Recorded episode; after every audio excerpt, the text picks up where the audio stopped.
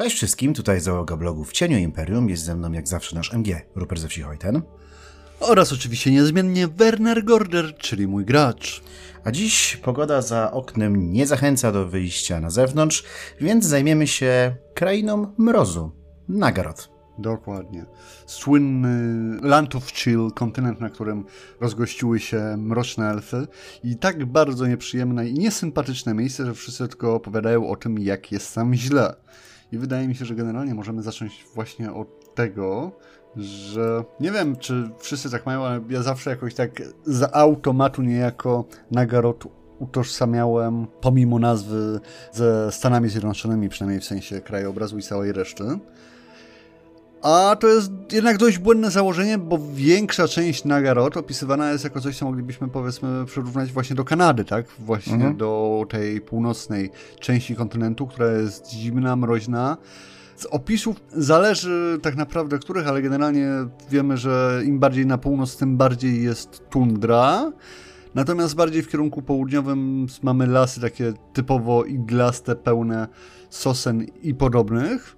No i to w dużej mierze jest często prawda, pokryte jakimś tam śniegiem, generalnie jest zimno, nieprzyjemnie, czarne skały, z których budowane są e, te wielkie miasta mrocznych elfów. No i w zasadzie tyle, tak? Jakoś taki bardzo smutny, smętny i mało radosny krajobraz, można powiedzieć, który jednak fenomenalnie pasuje do mrocznych elfów. Tutaj też ciekawe jest to, że mroczne elfki jednak za taki typowy strój uznają bikini, co w kwestii klimatycznej jest również interesujące w ogóle z kwestią klimatyczną i z tym, jak to jest przedstawione, to jest śmiesznie, jeżeli chodzi o Nagarot i w ogóle Mroczne Elfy, no bo pomijając już nasze dość mocno roznegliżowane witchelfki, bieractwa mogą się przyziębić, jak tak sobie hasają między tymi miastami po tych pokrytych śniegiem tundrach i innych lasach sosnowych, no to podobna sprawa jest również z bardzo takim ważnym gadunkiem w Nagarot i dla samych Mrocznych Elfów, stworzeń, które znamy jako Cold Ones, czyli te dinozaury, na których jeżdżą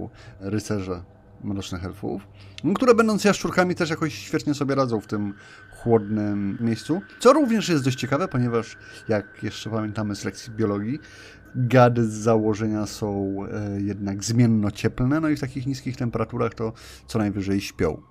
No tak, ale też z drugiej strony pod e, Hagriff w tych wszystkich jaskiniach, które mają prowadzić do tego podziemnego morza, ma być jednak cieplej, więc to też jest miejsce, w którym można trzymać swojego ulubionego koldłana.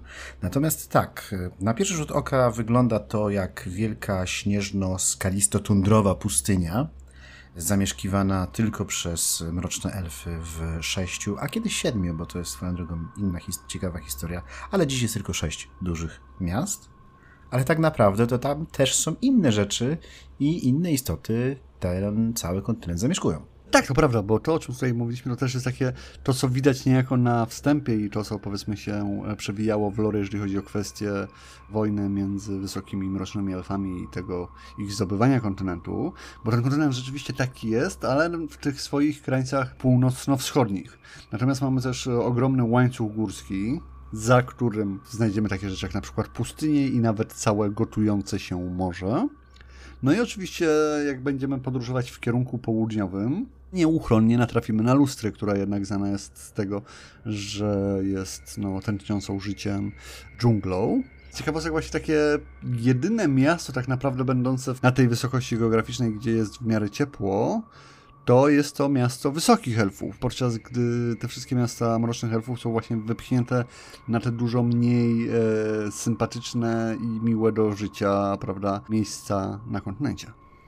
No tak, ale też nie przesadzajmy, wiesz, bo to jednak też jest szerokość geograficzna imperium, zdaje się, więc te opisy mogą być jednak trochę przesadzone. Natomiast jeżeli chodzi, jeżeli mówimy tutaj właśnie o tym, co tam można znaleźć, to wbrew pozorom nie jest to wcale taki pusty kontynent, który leżał i był gotowy do przejęcia przez mroczne elfy. Tam mamy takie drobne okruszki tego, że tam coś wcześniej było. Nie do końca wiadomo co. Można obstawiać, że byli to albo Slanowie, albo pradawni, ale są tam takie miejsca, których choć starałem się szukać bardzo dokładnie, to nie znalazłem o nich nic, a wiem, że istnieją, prawda? Mamy na przykład coś takiego jak e, starożytne miasto Quintex, które w tym momencie leży w ruinach, natomiast o nim nie wiadomo absolutnie nic. A to, że deweloperzy Total War'a tam umieścili frakcję, no to to jest jedno, ale w lorze tego bezpośrednio Warhammera nie ma.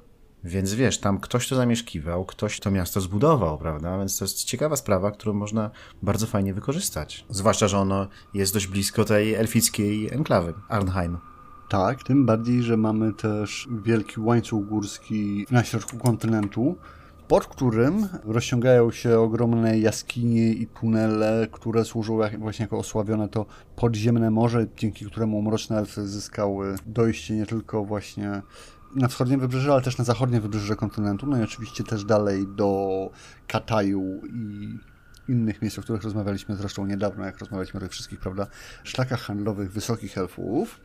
Z kolei natomiast właśnie pod tymi samymi górami, które właśnie mają te swoje wewnętrzne morze, po którym można podróżować, bo to jest sytuacja troszeczkę podobna jak mamy y, rzekę Szeptów, prawda, w Starym Świecie, która łączy Kreuzhofen z Miragliano i tam tędy można sobie przepłynąć takim długim tunelem, jak ktoś chce się z Imperium dostać do Tilei, żeby nie jeździć naokoło przez całą Bretonię, jak moja dzielna drużyna. tak, tylko że do potęgi dziesiątej, bo to jest ogromne. Dokładnie, to, tutaj jest to po pierwsze ogromne, po drugie nie jest to jakiś tam tylko tunel czy relatywnie prosta droga, ale ma być to wielki istny labirynt, którym z jednej strony są w stanie się jednak jakoś przeciskać te e, mroczno-elfie floty i czarne arki i tak dalej. To wszystko jest w stanie, prawda, jakoś tam przepływać, no a z drugiej strony jest to na tyle niebezpieczne miejsce pełne potworów i innych dziwnych rzeczy, że bardzo często coś tam, prawda, ginie, traci się i nie dociera na drugą stronę kontynentu właśnie. No i oczywiście tutaj też taka małe przypomnienie z lore, że słynnym kapitanem, który w ogóle to wszystko odkrył i zbadał, był nie kto inny jak Ferdynand Magellan, nie, przepraszam, Kaledor Maglen. Tak, władca Hagref. Dokładnie, o którym możemy podejrzewać, że jako pierwszy długouchy opłynął świat Warhammera dookoła. No, można podejrzewać. Pewności niestety nie mamy, natomiast y, wiemy, że to podziemne morze jest niezbadane i że znajdują się tam istoty, które są całkowicie nieznane nawet bestiariuszom Warhammera. Przynajmniej tak wynika z opisów. Więc y, czy one mają cokolwiek wspólnego z tym starożytnym miastem, czy nie, czy czy są właśnie jakimiś potomkami, czy w ogóle czym są, to też jest po prostu świetny materiał do tego, żeby to na swój własny sposób po prostu rozwinąć, jeśli tam się, jeśli przygoda po prostu was tam gdzieś zagna. Tak, dokładnie. Mamy informację w lore, że jest tam jakaś nieznana i zupełnie zapomniana cywilizacja. Problem polega na tym, że elfy mroczne wydają się nie być zainteresowane odnajdywaniem zaginionych cywilizacji, przynajmniej póki co. No i leży to już tak za 20 lat odłogiem, więc jak najbardziej myślę, że przedsiębiorczy mistrzowie gry powinni sobie próbować to na swoje potrzeby jakoś zaadaptować.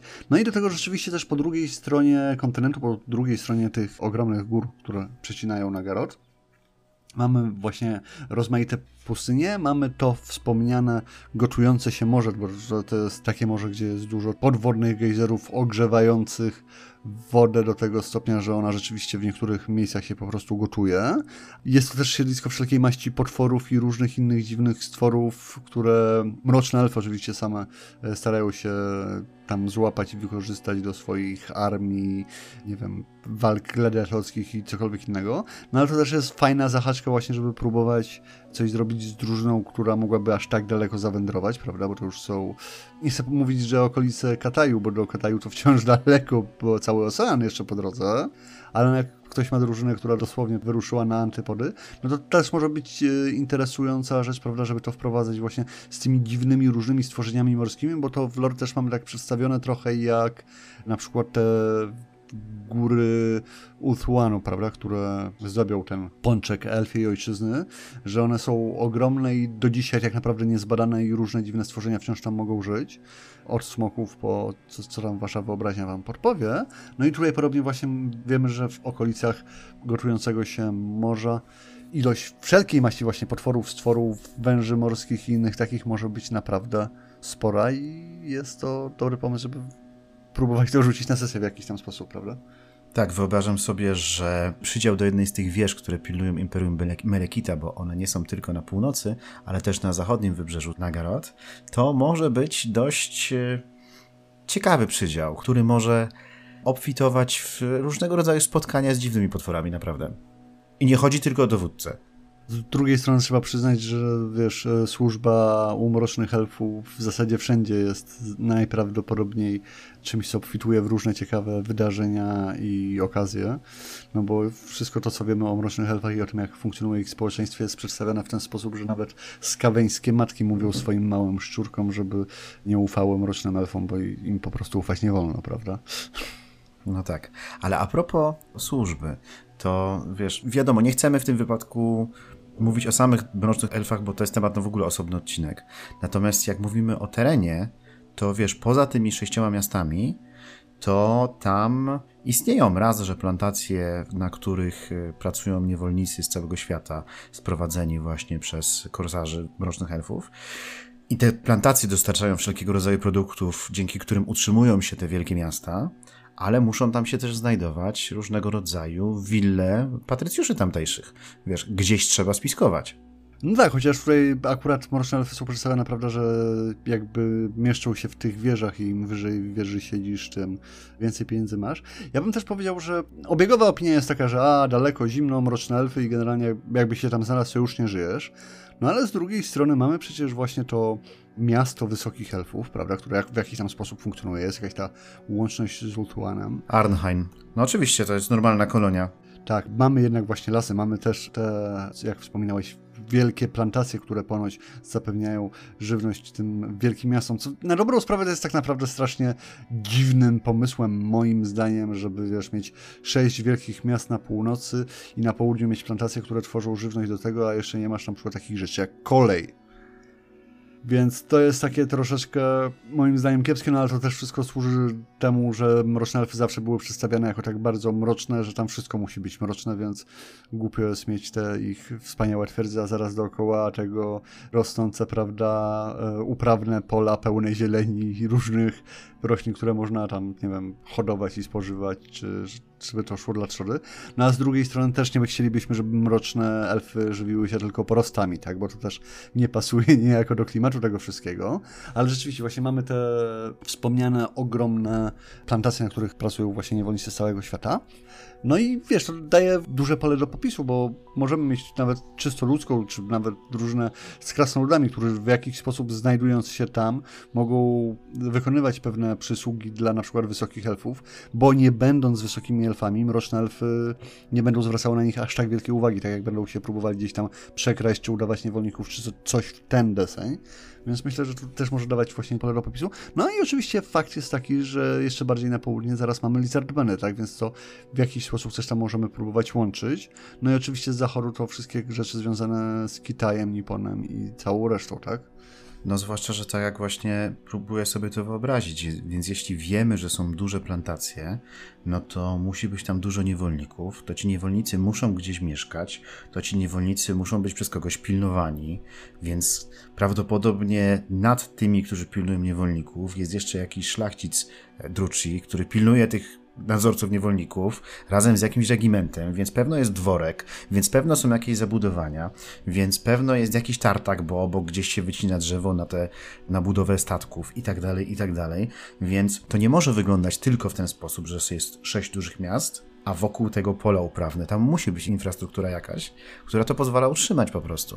W związku z czym taka wizja, że one naprawdę są wszystkie stłoczone w tych miastach, no nie może być do końca prawdziwa. Zresztą tak samo jak właśnie czytałem o tym wszystkim i się zastanawiałem, to muszę przyznać, że mroczne elfy zaczęły mi się troszeczkę kojarzyć też z Norsemenami i troszeczkę z krasnoludami chaosu, co wydaje się takim nawet w miarę logicznym e, skojarzeniem na tej zasadzie, że prawda to jest mroczne odbicie dobrze nam znanej rasy, ale też jakbyśmy sobie spojrzeli właśnie na mapy, na to wszystko, no to kontynent One to jest prawda to wspaniałe, magiczne miejsce, które utrzymuje się na morskich falach za pomocą magii są te właśnie wielkie, wspaniałe góry, ale są też te lasy, pola uprawne tam prawdopodobnie jak człowiek no, wyrzuci gdzieś e, nasiono fasoli, to rośnie jak w legendzie do samego nieba. Podczas gdy ten Nagarot, no to jest bardzo takie nieprzyjemne, nieprzystępne miejsce, w którym mroczne elfy muszą naprawdę robić wszystko, co tylko możliwe, żeby de facto przetrwać, więc też myślałem o tym, że fajne to może być w kontekście nadużywania na przykład magii, gdzie o ile wiesz, Ulthuan oczywiście tam się utrzymuje na tej wodzie i jest wir wysysający magię w środku, ale wysokie elfy w jakiś sposób starają się żyć w czymś, co byśmy nazwali harmonią, a przynajmniej one nazywają, o tyle, wiesz, mroczne elfy mogą chcieć wykorzystać magię i sieć geometryczną, która też pewnie jakaś tam istnieje, do tego, żeby mogli przetrwać. I to bardziej myślę o tym w sposób taki troszeczkę industrialno-przemysłowy, na zasadzie w nowszych e, armii bookach do mrocznych elfów, w starych tego nie ma, mamy właśnie informacje na przykład o tym, że rzeki potrafią być zanieczyszczone magią i są takim bardziej smarem, czy czymś takim niż e, rzeczywiście płynącą rzeką z czystą wodą. I zacząłem się zastanawiać, czy to właśnie może być troszeczkę taka przestrzeń, nie chcę powiedzieć post-apo, ale takie magiczne post-apo troszeczkę. Mówiliśmy o paru miejscach na świecie Warhammera, które mogą się w ten sposób jawić. I Nagarot też mógłby czymś takim być, prawda? No, mógłby być, ale dla mnie takim chyba największym odkryciem, kiedy się przygotowywałem do tego odcinka, było to, że wydaje mi się, że tam tak naprawdę żyją dwie kultury mrocznych elfów. To znaczy, że oprócz Asurów na Ultuanie, Asra i Eonir w Starym Świecie, Druci właśnie wiadomo w Nagarot, to jeszcze żyje osobna kultura dzikich mrocznych elfów, którzy sami siebie nazywają Autari. I jeżeli graliście w Batla, to to są ci Shades, ci zwiadowcy mrocznych elfów, którzy, jak się wczytacie, jak oni są opisywani na przestrzeni podręczników, to dowiecie się, że oni nie chcieli się osiedlić w tych miastach, woleli żyć w dziczy, że oni mieszkają w namiotach, że to oni polują na Cold One'ów i najprawdopodobniej to oni wchodzą szukać tych wszystkich smoczych jaj i tak dalej, które tam w tych Black Spine Mountains mają się znajdować. Jest o nich bardzo mało, ale wiemy na przykład, że są podzieleni na różne klany, więc jeśli mają klany, to mają jakąś hierarchię w tych klanach, mogą mieć jakieś własne rytuały. Na przykład polowanie na Kolduana polega na tym, że jeden z nich oblewa się cały krwią, najlepiej jakiegoś innego elfa albo człowieka i Kolduany go gonią, aż nie zabiegnie do pułapki. Więc to wygląda jak jakiś rytuał przejścia, jakaś próba odwagi. Cała ta ich kultura opiera się na tym, że muszą być najlepsi w tym, żeby przetrwać w tych warunkach. Jeżeli się rodzi młody właśnie Autari, to pierwszą noc swojego życia ma spędzić na mrozie na zewnątrz poza namiotem. Jeśli przeżyje, to jest wystarczająco dobry, żeby dołączyć do plemienia, prawda? To jest bardzo ciekawe. W żadnym podręczniku nie znalazłem, żeby to było w jakiś głębszy sposób rozwijane, ale to nie są te mroczne elfy, które mieszkają w miastach, to nie jest żadna szlachta, to nie są elfy, które bawią się w politykę Nagarot.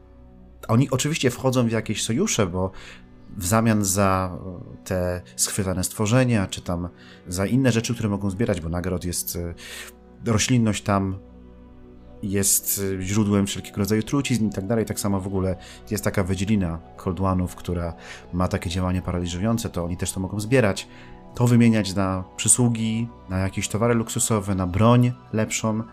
Ale wiesz, można by to wykorzystywać jako coś trochę jak na przykład y, pod koniec XVIII wieku i w XIX wieku było bardzo dużo plemion indiańskich w Ameryce Północnej, które wchodziły w interakcje i w sojusze z białymi osadnikami z różnych krajów. Niektóre plemiona wchodziły w sojusze z Francuzami, inne z Anglikami i tak dalej, i tak dalej. Różnie to wyglądało na różnych terenach. Byli ich przewodnikami, byli ich, y, byli ich tłumaczami, w zamian za otrzymywanie jakichś towarów europejskich i tak dalej. Więc tutaj mogłaby być analogiczna sytuacja, że właśnie te klany Autari w jakiś sposób wchodzą w relacje z władcami tych wielkich miast i w ten sposób, wiesz, ułatwiają sobie życie w tym ciężkim terenie, prawda? A w zamian za to władcy tych miast mają jakieś wsparcie w nagrodzkiej dziczy. To jest w ogóle bardzo ciekawe i nigdzie to nie jest rozwinięte. Tym bardziej, że wydaje mi się, że też, jeżeli chodzi o inspirację, to można troszeczkę zatoczyć takie kołrek. Na początku mówiliśmy o tym podobieństwie Nagarot bardziej do Kanady niż do Stanów Zjednoczonych, no ale jednak ten kontynent jest gdzie jest, wygląda jak wygląda i tak właśnie, wiesz, wracając do dzikiego zachodu, to też można myśleć o tutaj kwestii postępu technologicznego, bo mamy te, prawda, sześć wielkich miast z wielkimi wieżami, które no, są stworzone tak na plecach i krwi niewolników, ale tak naprawdę w dużej mierze po prostu na bardzo potężnej, wyjątkowej magii. I wszystko u nich, no siłą rzeczy musi działać troszeczkę na tej, troszeczkę w dużej mierze na tej magii, no bo cała kraina jest na tyle nieprzyjazna życiu, że nie możesz wiesz, na tym poziomie technologicznym po prostu mieć takiego wielkiego miasta i żeby działało sa samo z siebie.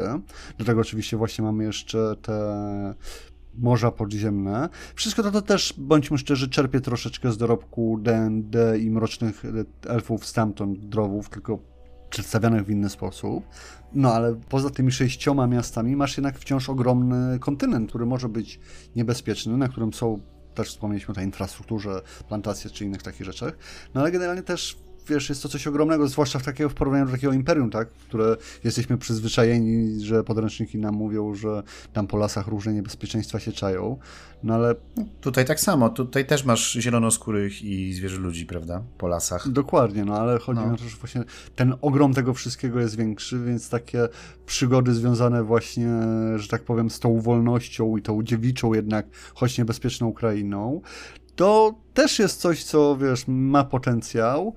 Przynajmniej ja to widzę, chociaż to może być też kwestia przedawkowywania Red Dead Redemption 2, ale właśnie wszystkie kwestie na tej linii pomiędzy wolnością i naturą, a postępem i cywilizacją i obowiązkiem, prawda? Bo to jest problem e, z, ze społeczeństwem mrocznych elfów, że to, tam jest dużo hierarchii. Przy całym tym wbijaniu sobie sztyletów w plecy jedną ręką i porwaniu trucizny drugą, to jednak jest tam ten żelazny uścisk, prawda, dowódcy na podległych mu i to idzie w górę do samego Malekita i Morati.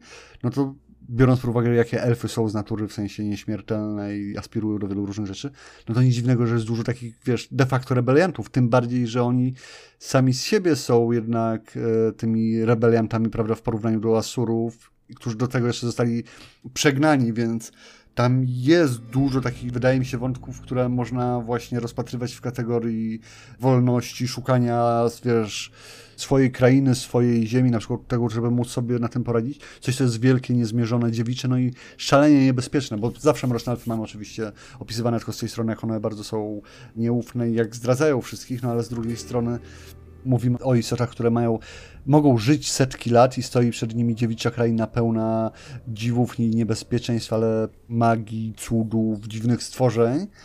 Więc właśnie pójście w tym kierunku. Tak, ale ktoś ci mówi, że przez najbliższą wieczność mu służyć, służyć tak. więc no tak, ja Dokładnie. uważam, że Autari to świetne rozwiązanie problemu właśnie tych y, truci, którzy no, no jednak nie chcą, prawda? Bo mogą to odrzucić tą hierarchię i właśnie pójść w ten las. Jak teraz o, tym rozmawiamy, to zastanawiam się, czy wiesz, tam mogą de facto istnieć jakieś małe osady po różnego rodzaju, czy to zbiegach, czy piratach, no wszelkiej maści różnych istor, które się spotkały.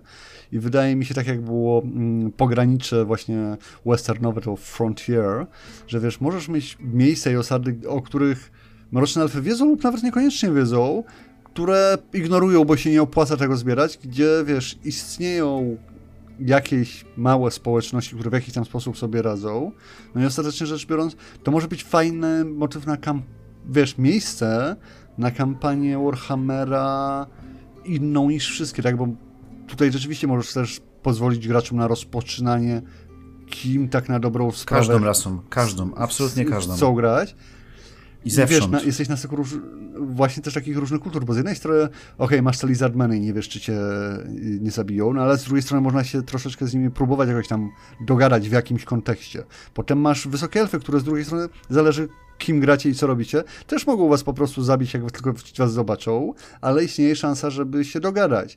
Z mrocznymi elfami mimo wszystko też dogadywać się przynajmniej na jakiś czas można. A mamy przykłady na to, że się dogadują, na przykład y, rozmowy z, z Asra i z Eonirami są. Dokładnie. A teraz weźmy też pod uwagę, że jednak w Nagarot mroczne elfy są w zasadzie siłą ładu, prawda? Bo to one mają tę wielką e, linię wież, które stoją na granicy z pustkowiami chaosu, które są obsadzone przez elfie armię, które nie przepuszczają przecież tych maruderów, demonów i tak dalej. Chyba, że akurat się z nimi dogadają, bo to też oczywiście zdarza. No też tak się zdarza. Ale wyobraź właśnie sobie, wiesz, prowadzenie kampanii w takim świecie fantazy de facto, bo zapominając na chwilę, że gramy w Warhammera właśnie, wiesz, w świecie fantazy, gdzie podróżujesz po takiej mroźnej krainie, gdzie mroczne elfy to są tym imperium, które, wiesz, zapewnia jednak te cywilizacje, zapewnia jednak jakiś ten spokój, zapewnia jakąś infrastrukturę i inne takie rzeczy. Tak, jest niewolnictwo, oczywiście, wyzysk, wszystko inne. No i ta infrastruktura jest po to, żeby je utrzymać właśnie za cenę krwi tych niewolników, to wiadomo, ale zapewniają ją. Tak, dokładnie. Z drugiej strony trzeba też tak przyznać, że a propos bycia heretykiem, to wiesz, gdyby przedstawiać Imperium Sigmara ludziom, którzy nie mają pojęcia o Warhammerze i tak dalej, to no nie jawiłoby się jakoś tak wiesz, absurdalnie różne. Okej, okay, niby w Imperium Sigmara niewolnictwa oficjalnie nie ma, to prawda, ale wiesz, z, tymi wszystkim, z tym całym fanatyzmem, inkwizycją i paleniem na stosach, to to też nie, nie do końca jest miejsce, w którym człowiek prawdopodobnie chciałby się znaleźć. No nie jest bardzo różowo. No, no właśnie. A myślę, że właśnie, wiesz, spróbować to podciągnąć właśnie w drugą stronę i zrobić setting, w którym okej, okay, wiadomo, że mroczne elfy muszą być, jak to mroczne elfy, złe, zdradzieckie i tak dalej, no ale z drugiej strony, jak już chcemy budować właśnie taki działający setting, to ta cywilizacja musi być, muszą być te elfy, które, wiesz, dbają o to, żeby to po prostu działało, bo inaczej musiałoby się rozpaść, tak? To, że Asurowie nam mówią, że mroczne elfy są złe nie wolno im ufać, to jest jedna kwestia, ale z drugiej strony, wiesz, może naprawdę, wydaje mi się, stworzyć naprawdę ciekawe historie o cywilizacji, która została odrzucona, która czeka na to, aż ich de facto wybrany przez bogów władca, choć też no, przez tych bogów odrzucone, też, też przez tych bogów odrzucone, ale wiesz, jednak e, czekają na to, aż odzyskają to, co im się prawnie należy, tymczasem są w jakby najgorszym możliwym miejscu na świecie, jednak swoją inteligencją, potęgą, siłą, zaradnością i sprytem potrafią tam się nie tylko utrzymać, ale tak naprawdę rozwijać. Potrafią z jednej strony odpychać właśnie siły chaosu, z drugiej strony walczyć z tymi zdrajcami z Ulthuanu, którzy ich wygnali, a teraz jeszcze chcą ich dalej zabijać, prawda? Przeciwstawiać się wszystkim innym niebezpieczeństwom tego świata, a w jakiś sposób się dalej rozwijać i iść do przodu, więc to też może być fajna interpretacja, fajny pomysł, no i wydaje mi się, że właśnie takie zupełnie inne podejście do grania Warhammera, gdzie właśnie też fajne jest to, że możemy naprawdę kombinować jak chcemy z rasami i z pochodzeniem, tak? Bo możemy mieć w zasadzie marudera, chaosu, ogra, mrocznego elfa, wysokiego elfa, krasnoluda, no i, i trzy gnoblary do kompletu i w zasadzie okay, to mogłoby mieć sens, tak? W jakiś tam sposób. Nie wiedziałem, że jesteś takim fanem mrocznych elfów. Ja też nie wiedziałem, powiem szczerze. Ale powiem ci tak, że też uważam, że taka kampania, która byłaby w settingu właśnie tych dzikich przestrzeni Nagarot i wiesz, tych gór, tych lasów, tej nieokiełznanej przyrody i tych elementów tej infrastruktury, tam, która tam albo musi być, bo tam na przykład właśnie wycina się drzewa na budowę statków, czy wydobywa się żelazo na stal, na gwoździe i tak dalej, i tak dalej, żeby te statki budować czy kamienie na budowę więcej, większych ilości tych wież w tych ogromnych miastach. Mogłaby być bardzo, ale to bardzo ciekawa, zwłaszcza, że o tych terenach mroczne elfy nie mogą wiedzieć wszystkiego, bo jak spojrzysz na mapę, to większość sił tak naprawdę mają właśnie skupione na północy, na tej linii tych wież, które pilnują pustkowi chaosu. W związku z czym mogą wiedzieć dużo na temat tego, co się dzieje w interiorze tego kontynentu, ale nie mogą wiedzieć wszystkiego właśnie Autari, czyli ci Shades, też nie mogą być wszędzie. W związku z czym tam wiele, wiele drużyn mogłoby się zgubić, albo inaczej, odnaleźć się w zupełnie nowej rzeczywistości. No właśnie, tym bardziej, że wydaje mi się, że jednak wielkie siły elfów są po prostu skupione na tym, mrocznych elfów, żeby, wiesz, utrzymywać te, nazwijmy to, granice z chaosem od północy, no i z mhm. wysokimi elfami, tak? I wiesz, szajki, nie wiem, zbiegłych niewolników, czy podobne rzeczy, Okej, okay, one mogą troszeczkę przeszkadzać, to jest coś, o czym mroczne elfy mogą nie chcieć mówić, ale oni mają dużo... Du- no to się pewno poluje dla sportu. Tak, ale mają dużo większe i poważniejsze problemy, prawda? Żeby nie wystawiać tam armii, a też rzecz, którą wiemy na pewno o mrocznych elfach jest to, że ich liczebność w porównaniu do innych frakcji jest relatywnie mała. Więc to jest rzecz e, taka, która rzeczywiście znajduje się w lore. I tak swoją drogą, jak teraz e, o tym też opowiadałeś, to jedno skojarzenie, jakie miałem właśnie no. też troszeczkę trzymając się tego, to jest zdecydowanie cyberpunk, bo wiele rzeczy, że tak powiem, utrzymujemy bardzo podobnych. Wiesz, mamy te nieliczne miasta ze strzelistymi e, wieżami, których żyje większość populacji tak naprawdę i jest bardzo duża różnica w tym, jak to wygląda na samym dole, jak to wygląda na samej górze. Na samej górze jest niewielu. Dookoła właśnie mamy, wiesz, to zniszczone, czy to w cyberze wiadomo, wojny korporacyjne i tak dalej, czy tutaj w tej sytuacji różne magiczne rzeczy, zresztą sam kontynent z powodów magii może być bardzo ciekawym miejscem, bo to jest inna kwestia, sieć geometryczna, to co jakiś czas o tym e, powtarzamy, ale skoro Kislev ma swoją magię lodu, bo tam to działa, to wiesz, Nagarot może mieć też różne swoje dziwne, magiczne fenomena. No i wiesz, jest miejsce dla graczy, którzy z jednej strony nie mogą być w tych korporacjach czy w tych wieżach właśnie mrocznych elfów, bo się po prostu nie urodzili wystarczająco dobrze, a z drugiej strony ciężko jest przetrwać właśnie na tych pustkowiach, które z jednej strony są potrzebne, bo tam w jakiś sposób utrzymują są te produkcje żywności, a z drugiej strony są na tyle niezmierzone, że ciężko tam zaprowadzić, prawda, prawo i sprawiedliwość, jak się nawet siłę ma. Na te, te siły z drugiej strony są jeszcze okupowane zupełnie gdzie indziej, prawda? Bo to nawet nie jest tak, że tu jest perspektywa wojny, po prostu dla Mrocznych Elfów wojna jest nieunikniona i ona chyba trwa cały czas z kimś tam, tak? Z jakiegoś powodu. Jeszcze dorzucając do tego oczywiście odpowiednie konkurencje pomiędzy poszczególnymi miastami, rodami czy korporacjami, więc myślę, że tu też naprawdę wiele inspiracji można byłoby czerpać z cybera i po prostu troszeczkę, wiesz, e, zmieniać technologię na magię i to by się dalej trzymało i byłoby też właśnie jakimś e, ciekawym innym odbiciem grania Warhammera. Ja myślę, że te nawiązania rozwiniemy twórczo w odcinku poświęconym Mrocznym Elfom. Myślałem, że cyberpunkowi. Natomiast na dzisiaj to myślę, że pomału będziemy kończyć.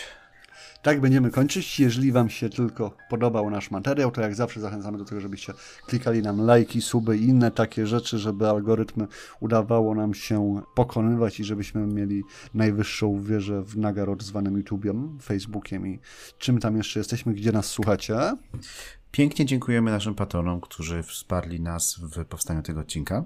Dokładnie, dzięki nim nie musimy spędzać tyle czasu na plantacjach mrocznych elfów i możemy właśnie poświęcać się takim rzeczom jak rozmawianie o tym wszystkim. Zapraszamy na naszego Discorda, który od niedawna jest, e, pochwalimy się, oficjalnym. Tak. Tak, właśnie naszym wielkim sukcesem, na który sobie całkowicie nie zasłużyliśmy, jest to, że nasz kanał Discord, do którego link znajdziecie gdzieś w opisie tego odcinka, jest aktualnie oficjalnym Discordem czwartej edycji w Polsce. Jesteśmy w której w jakimś tam zakresie wspierani przez Copernicus Corporations, czyli polskiego wydawcę. Którego z tego miejsca pozdrawiamy. Tak, dokładnie. Wszystkich, którzy tam pracują, którzy się do nas odezwali.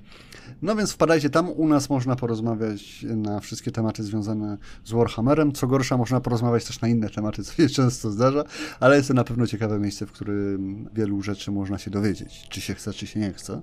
Dokładnie tak. A na dzisiaj żegnamy się z wami serdecznie.